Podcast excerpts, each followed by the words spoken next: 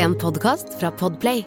I over 30 år er jeg blitt sendt verden rundt som utenriksreporter. Ofte der krig og katastrofer har rammet hardt. Jeg har havnet tett på, noen ganger litt for tett på. Dette er noen av mine historier. Dette er noe av det jeg har sett og opplevd på nært hold.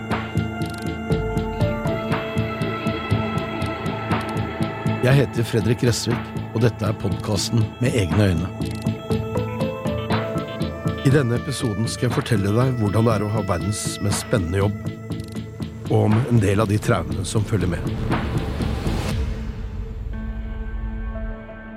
Jeg så glimtene fra den israelske kanonbåten som lå utenfor kysten, og visste at to granater var på vei mot meg.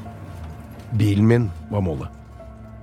Sjåføren tråkket gassen i bånn og ba Gud om nåde. Allahu akbar. Så smalt det. Først en gang, og så en gang til. Det føltes som om bilen lettet fra bakken av trykket fra den andre eksplosjonen, men vi klarte oss. Noen sekunder senere var vi trygghet bak en åskamp, men det varte ikke lenge. Israelerne hadde advart om at alle biler som kjørte fra Beirut mot grensen sør i Libanon, ble betraktet som mål. Sør for havnebyen Tyr kom et F-16 jagerfly bak oss, i ubehagelig lav høyde. Raketten som ble skutt, ville sprengt både oss og bilen i filler hvis den hadde truffet. Det gjorde den heldigvis ikke. Aprildagen i 1996 står fast som en av de aller verste på jobb. De første 25 årene av min noen og 30 år lange karriere har i hovedsak handlet om krig. Rundt 30 kriger og konflikter har jeg dekket. Hvor lang tid jeg har befunnet meg i krigsområder, vet jeg ikke. Men det var først i overkant av et år som presse- og informasjonsoffiser for Forsvaret i Sør-Libanon, og så den ene væpnede konflikten etter den andre. Så det har nok blitt noen år. I Israel og Palestina.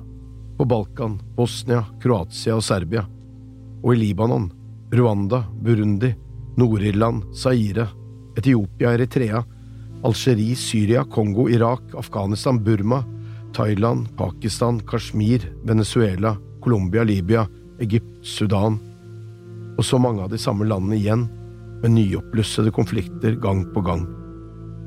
Likevel har jeg elsket jobben min, for et eventyr det har vært. Jorda rundt, historiske hendelser.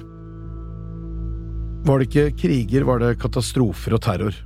Tsunami i Thailand, enorme skogbranner i California, jordskjelv i Indonesia, uvær i Florida, stormen Katrina i Louisiana, terror i Stockholm, i Belgia, i Frankrike og terror på Utøya. Det har handlet om død og ødeleggelse, om maltrakterte liv og noe håp. De sa det til meg, venner og familie, at jeg måtte stoppe, eller i det minste bremse, for det kunne ikke fortsette. Ville det ikke gå galt før eller senere, spurte de. Hvor mange ganger kan man bli forsøkt drept før noen faktisk klarer det? Men jeg klarte meg jo alltid. Jeg har sett kolleger dø. Jeg har forbundet skadde og holdt i mennesker når livet tar slutt. Jeg har sett knuste skaller og sørgende foreldre med sine døde barn i armene. Og et foreldrepar Deborah og Josef, som sør i Sudan sommeren 1998 satt med sin førstefødte.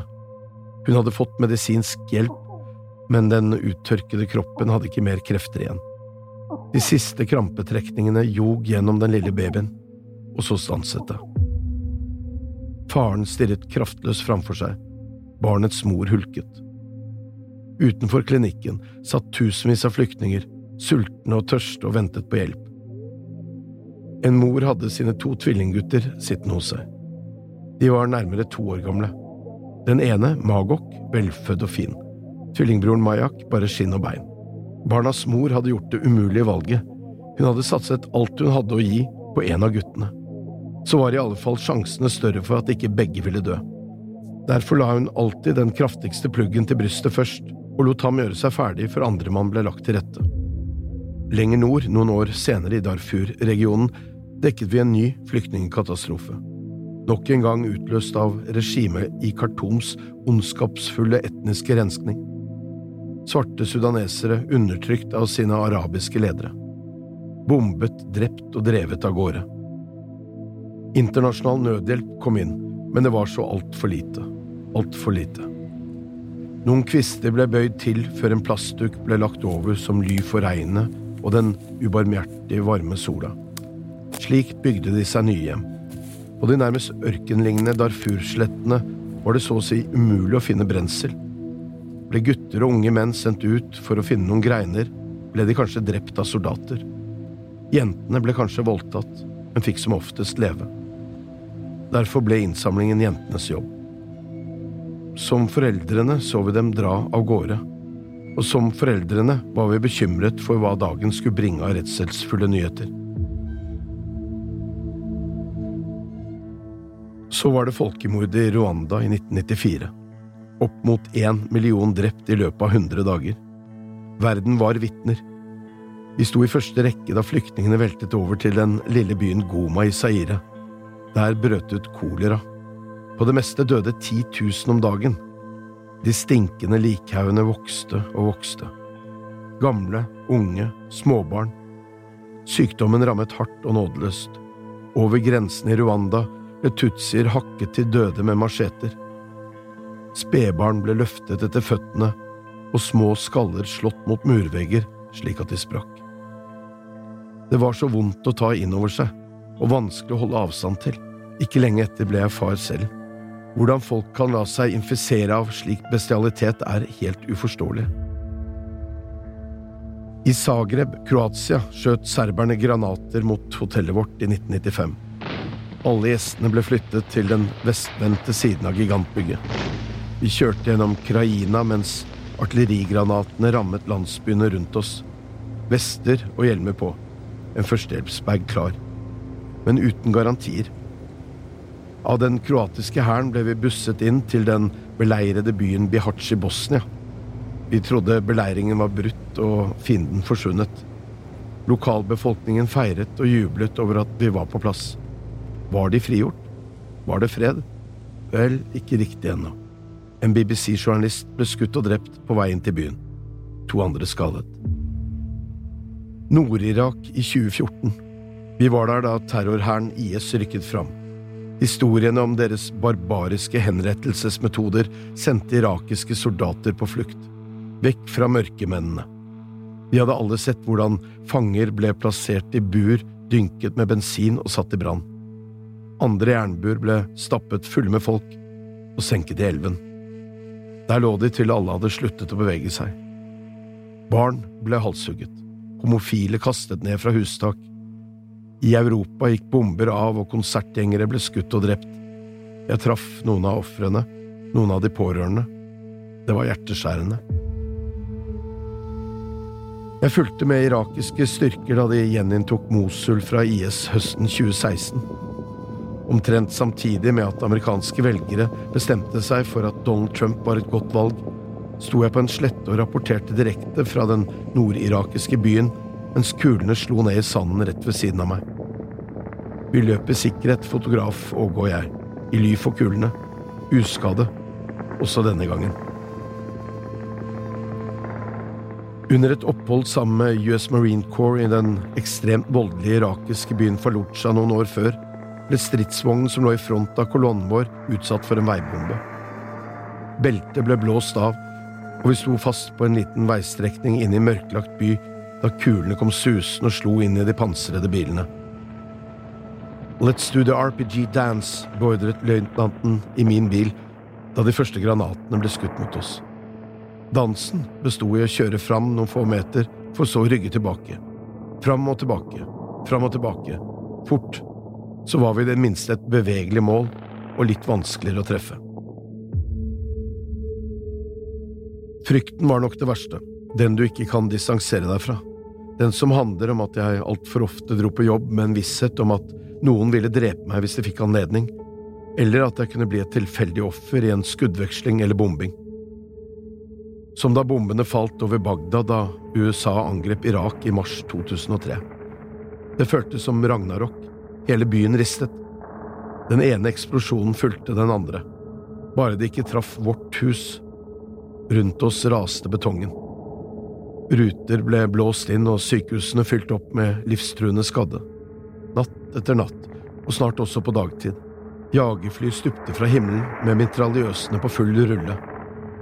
Det ble brukt mer sprengstoff mot Bagdad i 2003 enn mot Dresden under andre verdenskrig. Regimet skulle skremmes. Skremt ble også de sivile og vi andre som var i byen. Under en tur til de norske soldatene i den sørirakiske byen Basra den sommeren kom noe tungt flyvende gjennom bakvinduet på bilen på fotograf Åges side. En stor stein eller en håndgranat.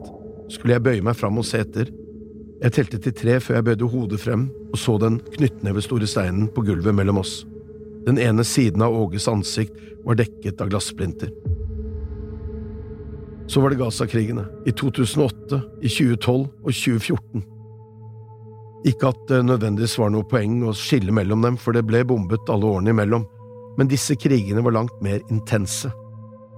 Om natten strøk israelske jagerfly over Gaza by og brøt lydmuren så de supersoniske smellene fikk byen til å riste. Ruter ble blåst inn, og vi som var der, brutalt revet ut av søvn, skjelven av frykt, ristende av gråt. På sykehusene så vi ofrene som kom inn. Ingen var for unge til å bli skutt eller bombet i Gaza. Hele nabolag kom under angrep. Det var ingen steder å flykte. Grensene var stengt, og området knapt stort nok til å huse befolkningen, som i dag er på rundt to millioner.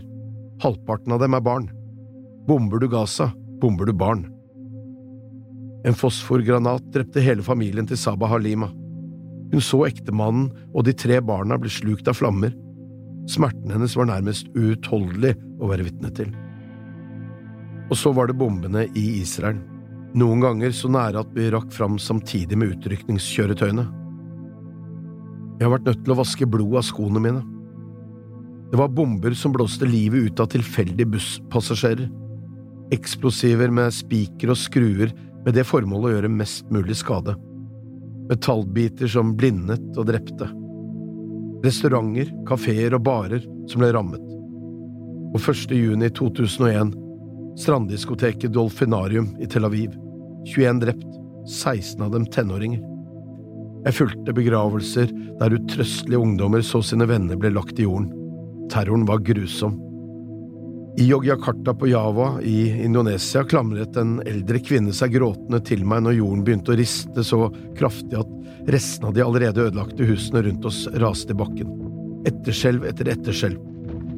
Fra ruinene kom stanken av død. Den lukten vil jeg aldri klare å glemme.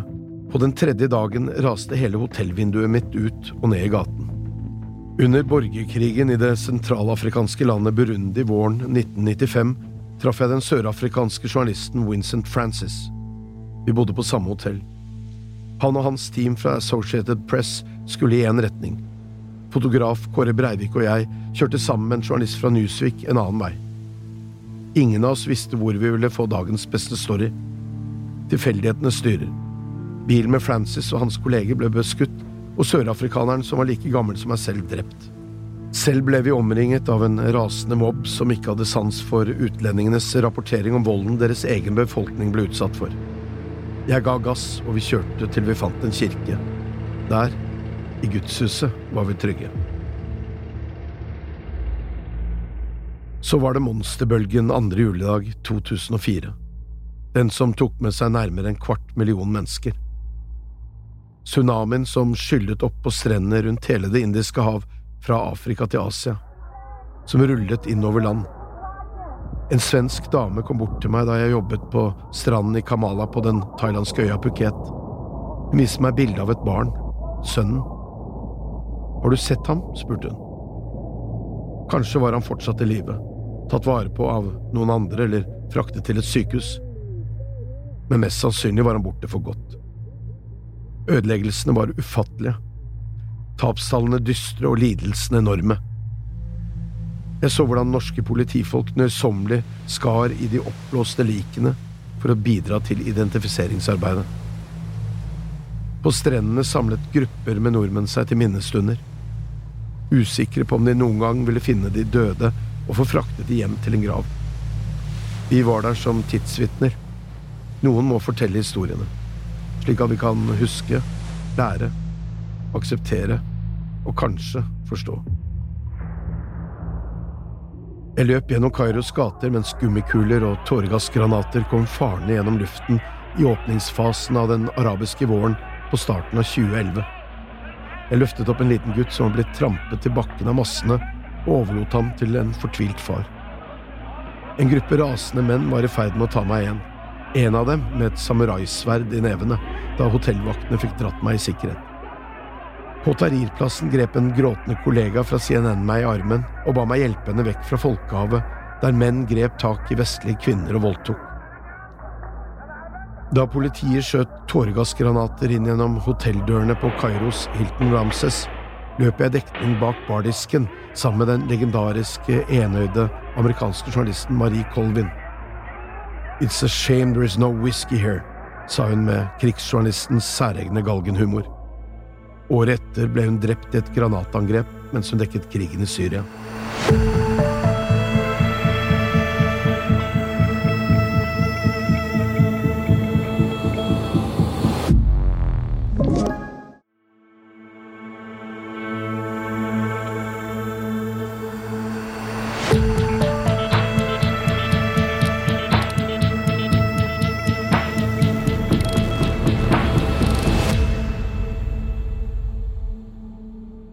New sto eieren av jazzklubben Snug Harbor på scenen og tittet ut over det ødelagte lokalet og lurte på om det noen gang ville bli spilt musikk der igjen. Flommen hadde lagt store deler av byen under vann. Det fløt lik i gatene. Himmelen var full av helikoptre som var i ferd med å løfte folk i sikkerhet.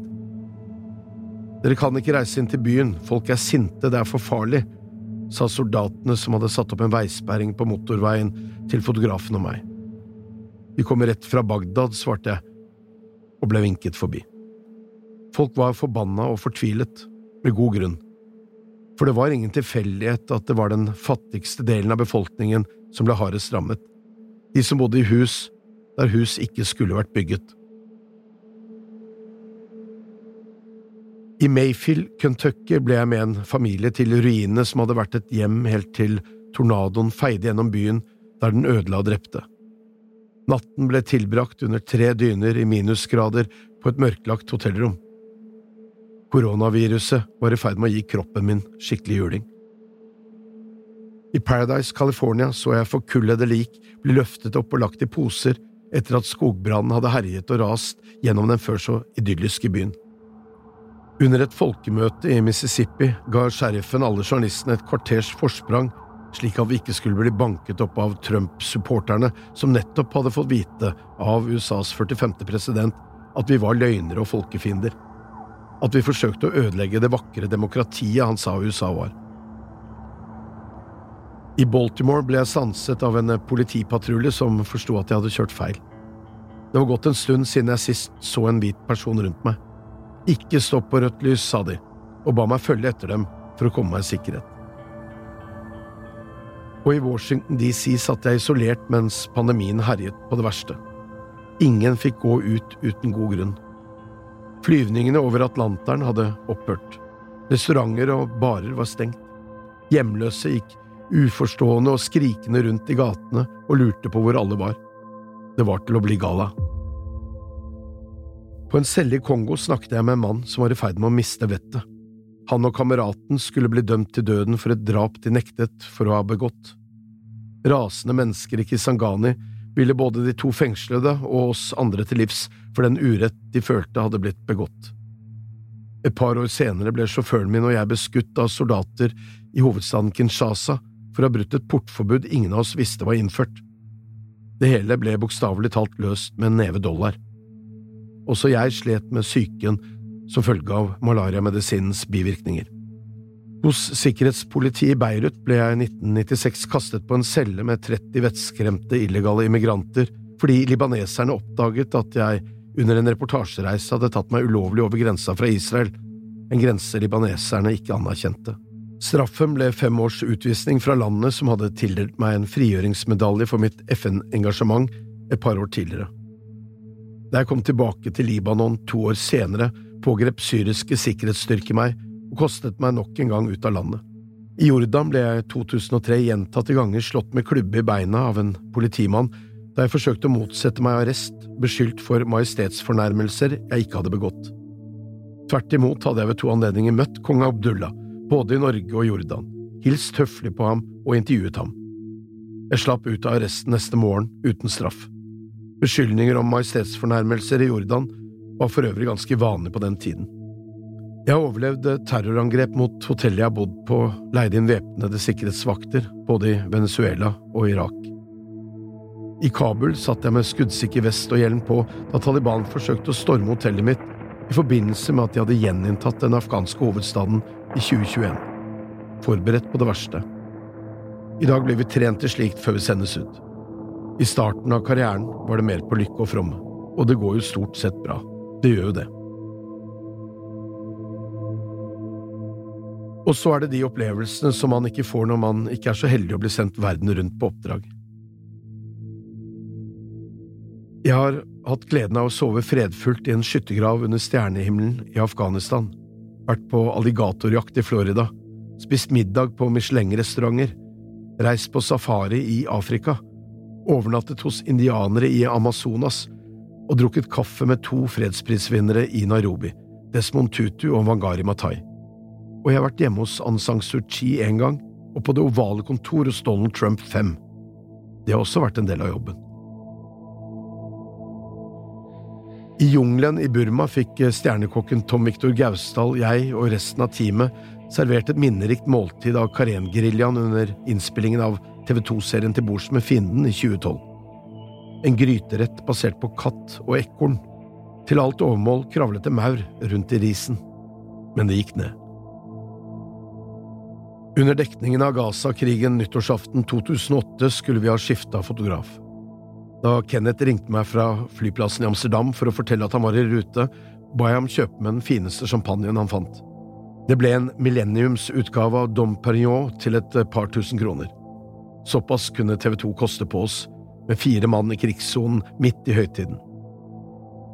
Champagnen kom fram til den israelske byen Ashkelon, der vi hadde base, men den ble aldri åpnet der. Et par dager senere reiste vi til Egypt i et håp om å slippe inn til Gaza derfra men også den grensa holdt stengt. Jeg hadde fortsatt flaske med de dyre dråpene i kofferten da vi krysset tilbake fra Egypt til Israel på grenseovergangen med Rødehavet. Kofferten ble åpnet og gjennomgått. TV-teamet fra franske France Død kunne ikke unngå å legge merke til flasken og berømmet meg for god smak.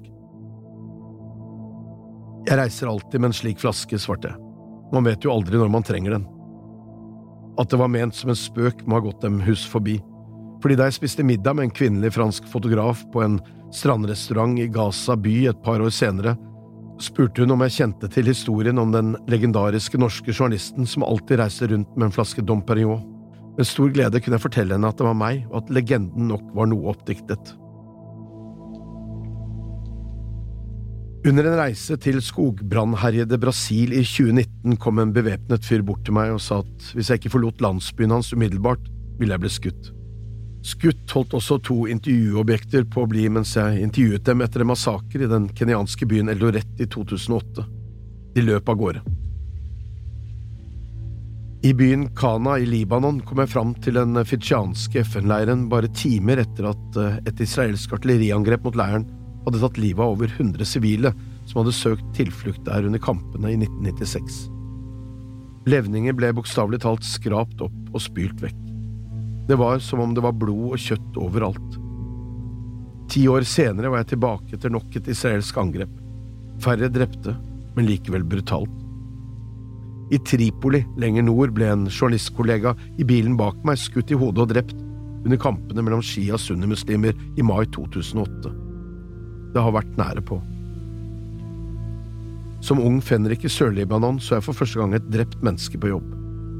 Der opplevde jeg også å få rettet våpen mot meg og måtte søke tilflukt for granater og raketter.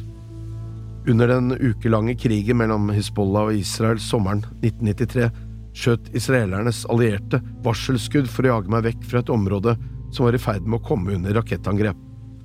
Den nærmeste raketten falt 30 meter unna.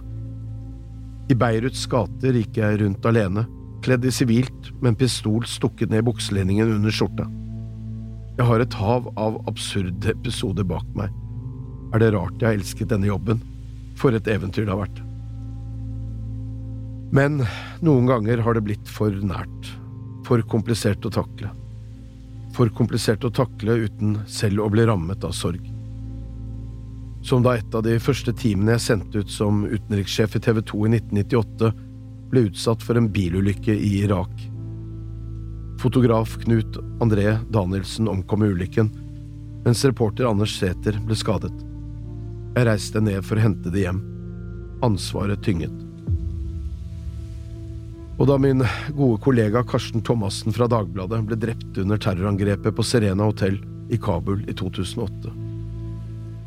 I flere år hadde vi reist sammen i Midtøsten. Sammen hadde vi leid oss både hus og væpnede vakter for å dekke folkemordet i Darfur i Sudan. Nå skulle vi bare dekke utenriksministerens reise, og kom under et dødelig angrep. Det var usigelig tungt å følge enda en kiste hjem. Jeg har dekket svært få innenrikssaker, men på grunn av erfaring med katastrofer ble jeg satt til å dekke terrorangrepet på Utøya i 2011. Den distansen man kan forsøke å holde til saker ute i verden, var nytteløs å finne da. Utøya var for nært. Vi var et helt folk i sorg. Det var første gang tårene rant under en direkte rapportering på TV. I en årrekke led jeg av flyskrekk, ikke verre enn at jeg valgte å fly, men det kunne være krevende å sette seg om bord i en sliten maskin fra Hevabora Airlines for å fly over regnskogen i Kongo, eller et eldgammelt fly fra Ariana Airlines fra Aserbajdsjan til Afghanistan. Ubehagelige reiser med mye turbulens over Stillehavet eller Atlanterhavet satte sine spor. Spektakulære landinger i krigssoner der pilotene nærmest styrtet flyet i en spiral mot bakken, kunne også være slitsomt. Da foretrakk jeg taktisk flyvning med helikopter i Irak eller Afghanistan, nærmere bakken, opp og ned i full fart og lav høyde, med åpne dører og skyttere klare til å besvare eventuelle angrep. Under borgerkrigen i Algerie måtte jeg trøste en liten gutt som hadde mistet hele familien i et geriljaangrep natten i forveien. Og opplevelsene av hele nasjoner i sorg etter historiske personers bortgang har vært overveldende enten det var Fidel Castro på Cuba, Hafez al-Assad i Syria, Nelson Mandela i Sør-Afrika, Yasir Arafat i Palestina eller kong Hussein i Jordan. Under sistnevntes begravelse dukket for øvrig Russlands president Boris Jeltsin opp, drita full. Men det var vi blitt ganske vant til da. Da jeg fikk dødsbudskapet til sistnevnte konge, satt jeg forresten om bord på et fly fra Royal Jordanian på vei fra Amsterdam til Amman da filmen ble avbrutt til fordel for et bilde fra muslimenes helligste sted, Mekka. Piloten brukte godt og vel fem minutter på å forklare Hans Majestets bortgang på arabisk før han slo over på engelsk. Minuttene mens passasjerene rundt meg ropte på Gud, begynte å be og gråt, føltes uhyggelig lange. Jeg var sikker på at min egen død var svært nært forestående. Men tenk deg å ha en jobb hvor du på hver eneste reise, hver eneste dag lærer masse om folk om land, om kriger og demokratiske prosesser, tyranner og diktaturer, ondskap og lykke. For det har vært mye fint også. Alle de menneskene som har hjulpet meg selv eller andre, de flotte folkene som reiser fra vår del av verden til de jævligste konflikter, katastrofer og flyktningleirer verden rundt for å hjelpe folk i nød. De som med sin egen sikkerhet som innsats deler ut mat eller behandler syke og sårede. Og så er det de der ute som vi journalister er helt avhengig av når vi reiser rundt i verdens mest lugubre bakgater. Fantastiske folk som gir oss råd, hjelper oss fram og advarer mot farer. Lokalkjente kolleger som kan fortelle oss hva vi absolutt ikke bør gjøre, eller hvor det er for farlig å reise. Som min venn Najib i Gaza, som i 2006 ringte meg om igjen og om igjen, helt til jeg svarte, og han kunne fortelle at en palestinsk gruppe hadde til hensikt å kidnappe eller drepe meg som hevn for publiseringen av Mohammed-karikaturene i norske medier. Folk som selv er villige til å ta sjanser for at vi skal få fortalt våre historier, uten at de vil bli hyllet som helter av den grunn. Fryktløse, modige og gode mennesker som ønsker å bidra til at kriger stanses og hjelp kommer fram der det trengs. Som trosser sine egne autoritære ledere for at vi skal kunne fortelle om overgrep og brudd på menneskerettigheter. De som risikerer så mye mer enn oss fordi de ikke kan reise vekk. Så var det truslene. Både om juling og en brå død, om jeg laget kritisk journalistikk om Donald Trump, Irak-krigen eller Israels bombing av arabiske naboer. Eller om jeg forsøkte å forklare hva som gjør at folk velger å bli terrorister og martyrer. Den til tider massive hetsingen på sosiale medier og beskyldningen om å være både stygg og forfylla. Meningsløs kritikk jeg fikk beskjed om ikke å bry meg om. Men jeg gjorde av og til det. Selv om det i all hovedsak var tastaturkrigere som er langt tøffere når de slipper å stå ansikt til ansikt med den de ønsker å kritisere. Det som står igjen som det viktigste, er likevel de som har gjenkjent meg og kommet bort for å si noe hyggelig. Som om å spørre om det går bra, eller si at det er fint at noen journalister reiser til steder ingen andre vil dra for å fortelle menneskers historie. De fleste folk er fine. Under årene som TV 2s korrespondent i USA merket jeg en form for lettelse. Det var jobbing så å si hver eneste dag, men det handlet mer om politikk og langt mindre om krig. Bagen med sikkerhets- og førstehjelpsutstyr forsvant lenger og lenger bak i kottet. Plutselig hadde den ligget urørt i et år, så to. Da tok jeg det inn over meg, alt har sin tid. Kanskje det var på tide å slutte med krigsjobbing. Jeg har gjort mitt, tenkte jeg. Jeg tenkte også at det var på tide å bremse reiseaktiviteten opp. Én ting er at det er slitsomt å alltid være på farten, men jeg har prioritert vekk mitt eget liv til fordel for de jeg jobbet for. Jeg har prioritert vekk de jeg er glad i. Selv om jeg elsket det jeg gjorde, var det på tide å ta et oppgjør. Så høsten 2021 informerte jeg TV 2-ledelsen om at jeg ville gjøre noe annet. At jeg ville flytte hjem til Oslo når USA-engasjementet mitt var over, og at jeg ikke lenger ønsket meg et liv dominert av flyplasser og hotellrom. Det var et vanskelig valg, men jeg har ikke angret en eneste dag siden. Så hva har alt dette gjort med meg? For traumene er der. Hvor store er arrene? Og vil alle sår gro? Jeg vet ikke. Jeg vet virkelig ikke. Men det er med meg alt sammen. Det er meg. Og noen ganger, noen ganger kommer frykten tilbake. Luktene, lydene, tristheten. I søvne eller når jeg er våken. Når andre distraksjoner er borte. Det er ikke alt man kan reise vekk fra selv om man aldri så gjerne vil. Men vit dette. Jeg har hatt verdens mest spennende, interessante og beste jobb. Ikke tvil på det. Fredrik Gressvik med egne øyne er produsert av Bauer Media. Produsent for podkasten er Thomas Alsaker. Lyddesign og musikkomposisjon av Lars Petter Berg. Prosjektleder Øystein Reiven. Hør flere episoder av denne podkasten gratis på podplay.no.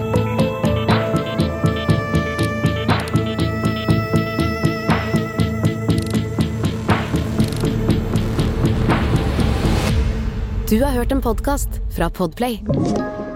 En enklere måte å høre podkast på. Last ned appen Podplay eller se podplay.no.